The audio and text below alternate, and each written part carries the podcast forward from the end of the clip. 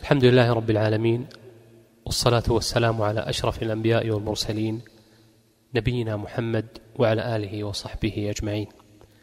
ثم أما بعد نواصل الليلة بإذن الله مجالس المغزى الرمضاني.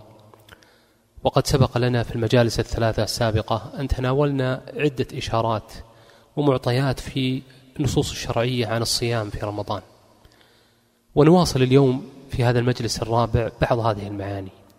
وهي ثلاث معاني السياحة المقيمة وصنائع العبادة والتسلية باشتراك الفرضية.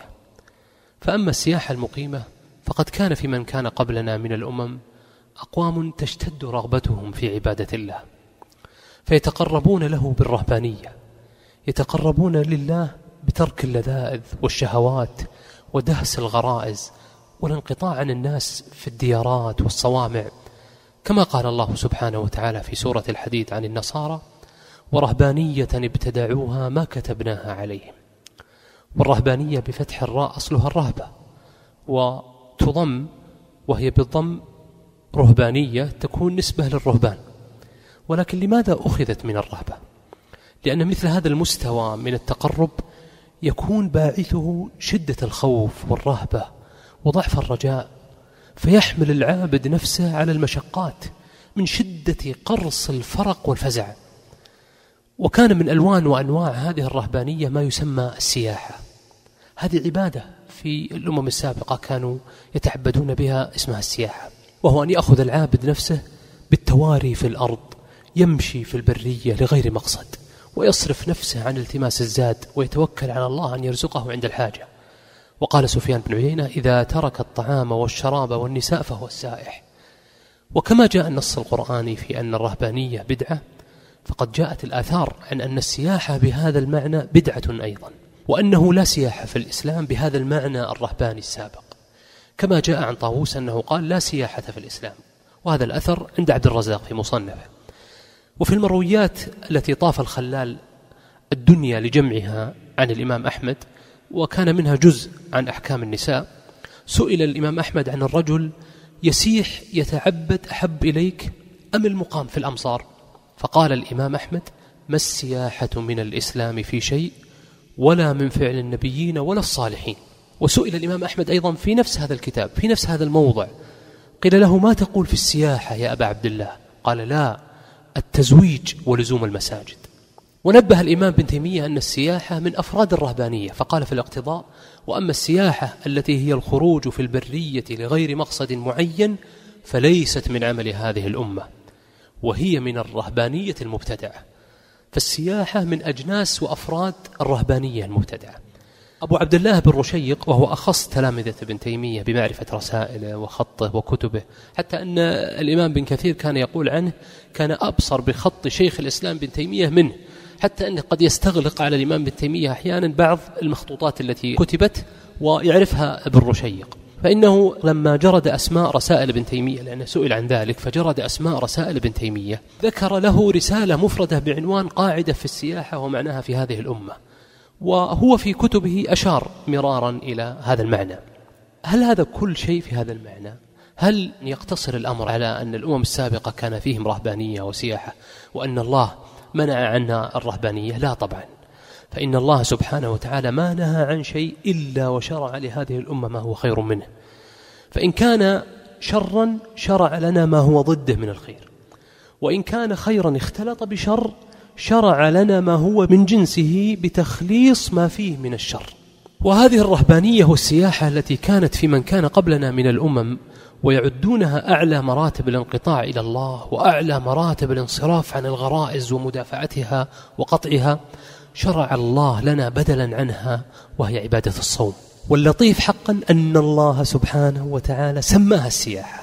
فإن الله جل وعلا يقول في سورة التوبة التائبون العابدون الحامدون السائحون الراكعون الساجدون الآمرون بالمعروف والناهون عن المنكر والحافظون عن حدود الله وبشر المؤمنين. وجماهير السلف على أن السياحة هنا في هذا الموضع هي عبادة الصيام. وجاء فيها حديث مرفوعة وموقوفة ومقطوعة. بل إن ابن جرير الطبري على تبحره المعروف في نقل خلاف السلف في التفسير وهذا أمر مشهور. ابن جرير الطبري من أخبر الناس بمقالات أهل العلم في التفسير ومن أنقل الناس لها يحرص على نقل الخلاف في التفسير خلاف أئمة السلف. لم ينقل في تفسير هذه الآية إلا هذا القول. ما نقل عن أئمة السلف في معنى السياحة إلا هذا القول إنها عبادة الصيام وهو أن السائحين هم الصائمون. لكن ما علاقة السياحة بالصيام؟ إذا عرفنا الآن أن قول الله سبحانه وتعالى في هذه الآية في التوبة السائحون أن معناها هم الصائمون فما علاقة السياحة بالصيام؟ ولماذا سميت عبادة الصيام بالسياحة؟ والتي نعرف أنه كان في من كان قبلنا من الأمم من كان يعمل بمثل هذه السياحة ونهى الله عنها. لماذا اختار الله أن يعبر عن عبادة الصوم بالسياحة؟ يقول ابن عطية في تفسيره وشبه الصائم بالسائح من حيث ينهمل السائح ولا ينظر في زاد ولا مطعم وكذلك الصائم يمسك عن ذلك فيستوي هو والسائح في الامتناع وشظف العيش لفقد الطعام. وقال الأزهري من أئمة اللغة قيل للصائم سائح لأن الذي يسيح في الأرض متعبدا لا زاد معه كان ممسكا عن الأكل والصائم يمسك عن الأكل فلهذه المشابهة سمي الصائم سائحا. لعلك تلاحظ الآن أن تسمية الصوم بالسياحة التي بلغت في الأمم السابقة غاية ما يكون من الانقطاع إلى الله فيه إلماحة تشريفية بديعة لعبادة الصوم. وثمة عبادة أخرى شاركت الصوم في هذه التسمية وهي كما قال ابن تيمية في رسالة المفردة في المفاضلة بين المرابطة والمجاورة لما سئل عنها أفرد لها رسالة في المفاضلة بين المرابطة والمجاورة وقال فسرت السياحة بالصيام وفسرت بالجهاد وكلاهما مروي عن النبي صلى الله عليه وآله وسلم. وهذا المعنى الشرف الثاني للسياحة ليس هو موضع حديثنا هنا وله محل آخر إن شاء الله لكن المقصود أن نلتمس الدلالات والمغزى والمعنى من تسمية الشارع لعبادة الصوم بالسياحة. فهذا ليس مجرد لقب عفوي. هذا فيه تشريف فيه تعظيم فيه تبجيل لعبادة الصيام. وعلى أي حال فإن متدبر القرآن إذا تأمل كيف اختار الله للصوم اسما شرفيا وهو السياحة وميزه عن بقية الشعائر بذلك وكيف اختار الله للصوم اسما منفردا من أبواب الجنة فلم يسمي الباب باسم العبادة ذاتها كباب الصلاة وباب الصدقة ونحوها كما مر معنا في المجلس السابق. بل سماه باب الريان. أدرك أن هذه التشريفات رسائل مؤثرة في ملء القلب بعظمة هذه العبادة عند رب العباد.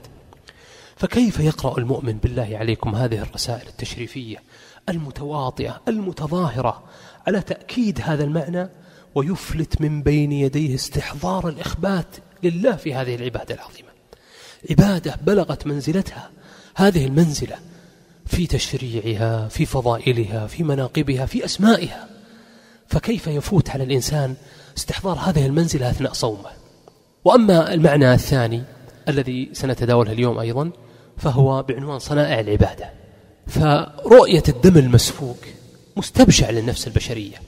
حتى أن الإنسان إذا عرضت له صور القتلى على الشاشات أو في مواقع التواصل الاجتماعي وقد تلطخت بالدماء ازورت عينه عنها تلقائيا عفويا. لماذا؟ لأنها فعلا مستبشعة صور الدماء في النفوس البشرية. ولكن دم الشهيد عند الله له منزلة أخرى. هذه الدماء الملطخة على جسد وملابس الشهيد أمر النبي صلى الله عليه وآله وسلم بتركها على حالها. كما في البخاري عن جابر قصة قتل أحد أنه قال وأمر بدفنهم في دمائهم ولم يغسلوا. أبقى دماء الشهداء على حالها في ملابسهم وأجسادهم.